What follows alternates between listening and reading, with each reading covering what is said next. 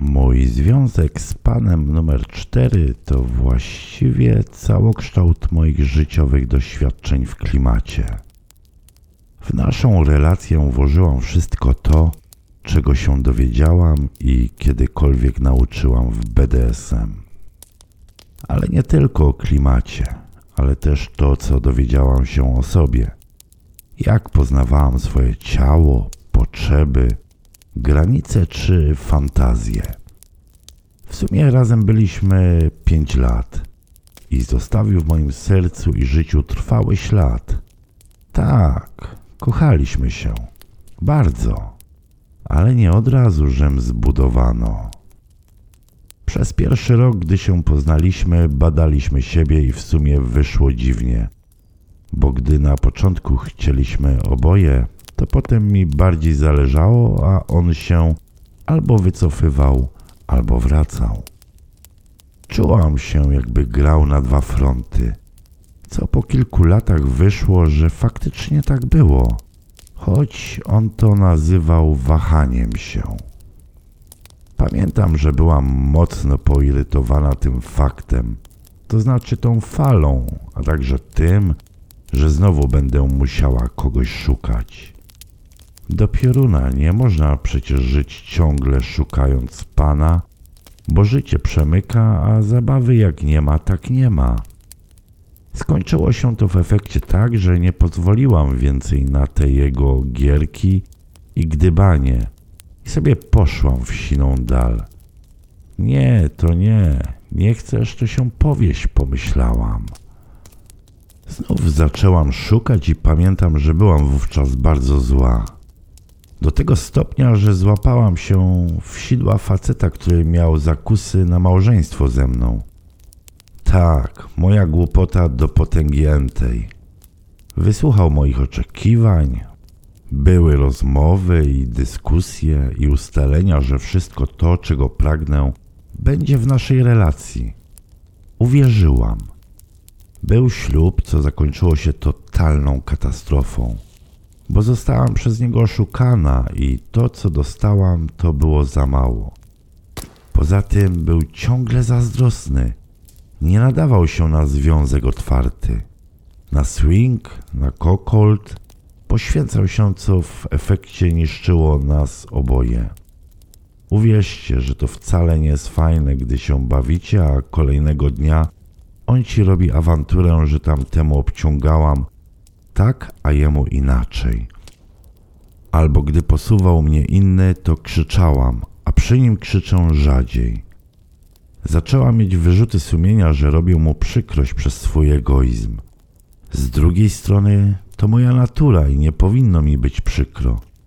Były też inne powody rozpadu małżeństwa, ale o nich nie napiszę. W efekcie od 2007 roku do 2011 przeszłam ślub, awantury, rozwód, chorobę i śmierć matki oraz wyjechałam do Afryki na 4 lata. Miały być 4 lata, ale było krócej, bo wybuchła rewolucja arabska i w efekcie do kraju wracałam rządowym samolotem, a na lotnisko jechałam wozem pancernym pod obszczałem. Trochę sporo przeżyć jak na zwykłą kobietę, prawda? Już w Afryce kontaktował się ze mną pan numer 4, bo miał jakieś chody w ambasadzie. Podczas tej całej ówczesnej wojny domowej w ogóle nie było internetu i nie działały żadne telefony oprócz właśnie ambasad. Będąc w polskiej placówce, zadzwoniłam do rodziny, mówiąc, że żyję, ale potrzebuję pieniędzy najlepiej w gotówce, bo banki były pozamykane, a bankomaty były poniszczone w całym mieście. Część była podpalana, a część rozkradziona. Mój dom, gdzie mieszkałam, został zniszczony i podpalony, a rzeczy rozkradzione. Miałam tylko to, co na sobie: plecak z kilkoma ubraniami i torbę. I nic więcej.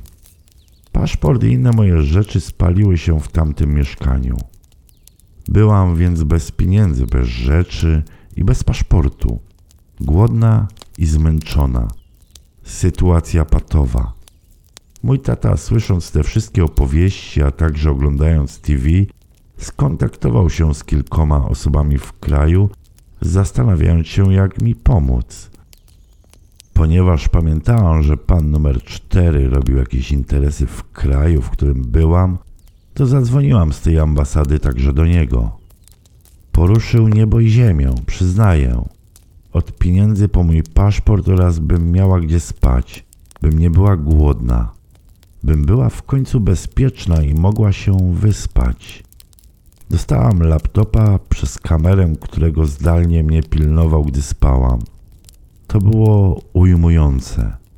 W sumie wtedy w ogóle chyba nie spał lub spał bardzo mało i tak kilka dni, bo niezależnie kiedy się zwróciłam, on był na nogach.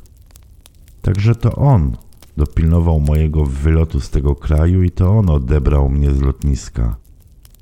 Zabrał mnie do swojego domu, spałam z przerwami kilka dni.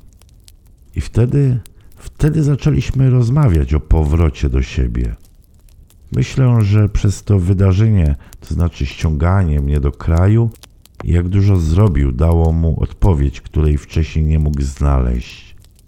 Mi zaś z kolei dało pewność co do tego, że to może udać się, bo ja dalej bardzo chcę z nim być i być pod jego opieką.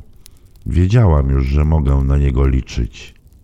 Niestety był jeden mankament tej historii, a mianowicie inny facet w trakcie, czyli mój były mąż.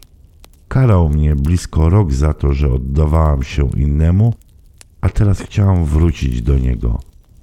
Siebie też przez to karał, bo gdyby wówczas nie rozglądał się na boki, mogłam być jego. No ale czasu się nie cofnie.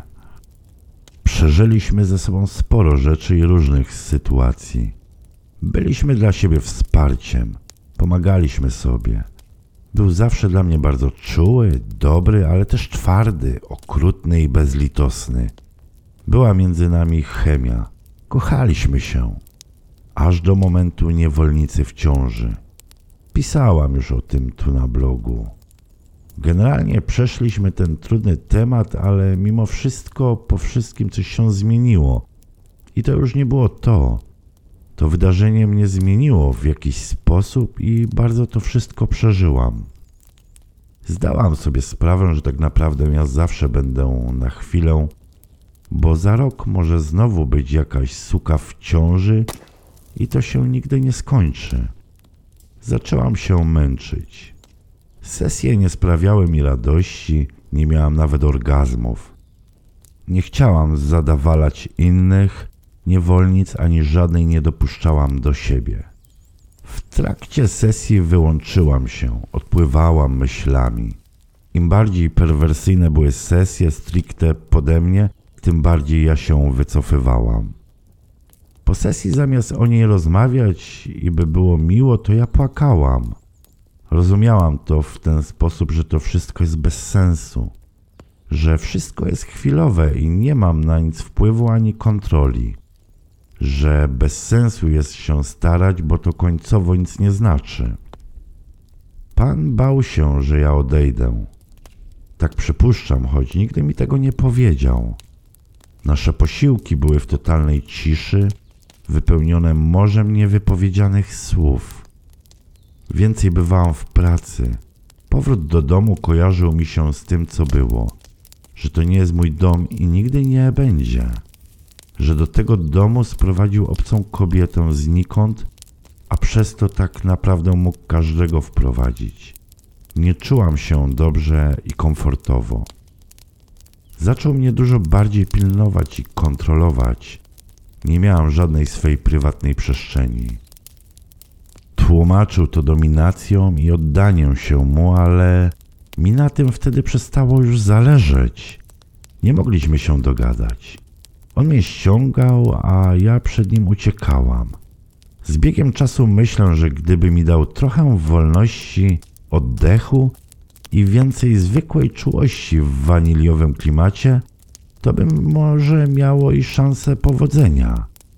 Końcowo wyjechał z kraju do Azji, gdzie przeniósł swoje życie i interesy. Zawsze, gdy czuję zapach cygara, to się uśmiecham.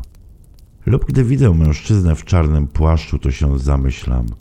przypominając sobie, jak chowałam zimne dłonie w jego kieszenie. Zawsze miał w nich jakieś kamyki albo kasztany, albo cukierki karmelowe.